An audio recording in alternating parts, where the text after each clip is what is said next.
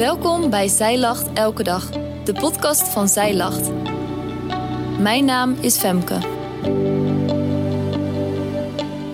Dit is de overdenking van 31 oktober, geschreven door schrijfster Danielle Geneugelijk. Leef alsof het je laatste dag is. Misschien is het wel een bekend liedje voor je, maar is het niet nog veel belangrijker om te leven alsof vandaag de dag is waarop de Heere terugkomt? In zijn brief aan de Thessalonicense schrijft Paulus een duidelijke oproep tot waakzaamheid, die ik graag met je wil delen. Dit staat in Thessalonicense 5, vers 5 tot 11. U bent alle kinderen van het licht en kinderen van de dag. Wij zijn niet van de nacht en ook niet van de duisternis. Laten wij dan niet, evenals de anderen, slapen maar laten wij waakzaam en nuchter zijn. Want zij die slapen, slapen s'nachts, en zij die dronken zijn, zijn s'nachts dronken. Maar laten wij, die van de dag zijn, nuchter zijn, bekleed met het borstharnas van geloof en liefde, en met de hoop op de zaligheid als helm.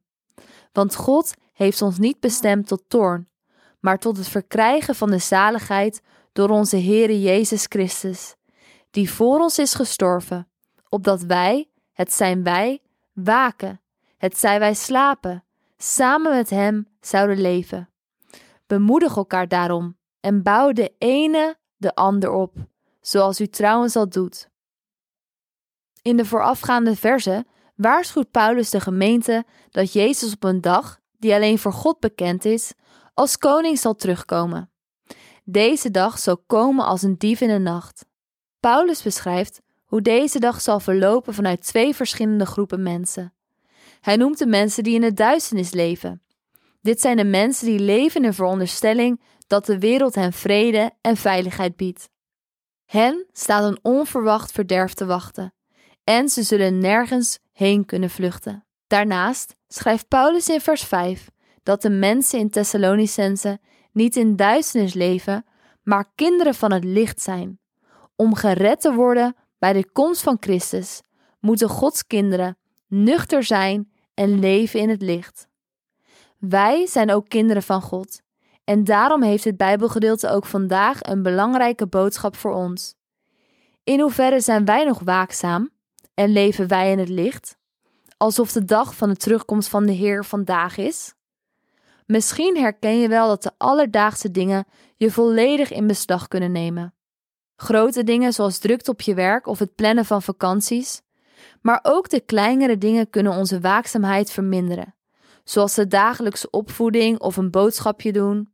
We zijn zo bezig met het hier en nu, dat we onze ogen niet op de Here gericht hebben. We kunnen ons zo vasthouden aan de vrede en veiligheid die de wereld ons lijkt te bieden, dat we de waakzaamheid verliezen. De Bijbel zegt duidelijk dat wij, als kinderen van God in het licht en in waakzaamheid moeten leven. Maar hoe moeten we dat dan doen? Paulus geeft de gemeente van Thessalonicense de opdracht zich te kleden met een borstharnas van geloof en liefde en met de hoop van de zaligheid als helm. Zaligheid betekent hier de verlossing die wij verkregen hebben, doordat Jezus Christus voor onze zonde aan het kruis is gestorven. God heeft ons niet voorbestemd om bestraft te worden, maar om gered te worden door onze Heere Jezus Christus, zodat wij voor altijd met Hem kunnen leven. We moeten dus leven in geloof, in hoop en in liefde. In de wetenschap dat we verlost zijn, omdat Jezus voor ons gestorven is. Het is zo belangrijk om hier iedere dag opnieuw bij stil te staan, stil te worden en God hiervoor te danken. Paulus schrijft in de laatste vers: Bemoedig elkaar daarom en bouw de ene de ander op, zoals u trouwens al doet. Waakzaam zijn is iets wat je niet in je eentje hoeft te doen. We mogen of moeten misschien zelfs elkaar als christenen bemoedigen en versterken, om elkaar waakzaam te houden en te leven vanuit de hoop, het geloof en de liefde zal het soms nodig zijn elkaar hierop te bevragen met confronterende vragen. Laten we elkaar in liefde bevragen naar onze waakzaamheid.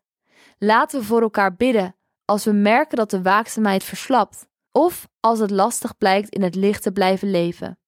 Ja, laten we met elkaar zorgen dat we iedere dag leven alsof de dag dat de Heere terugkomt vandaag is.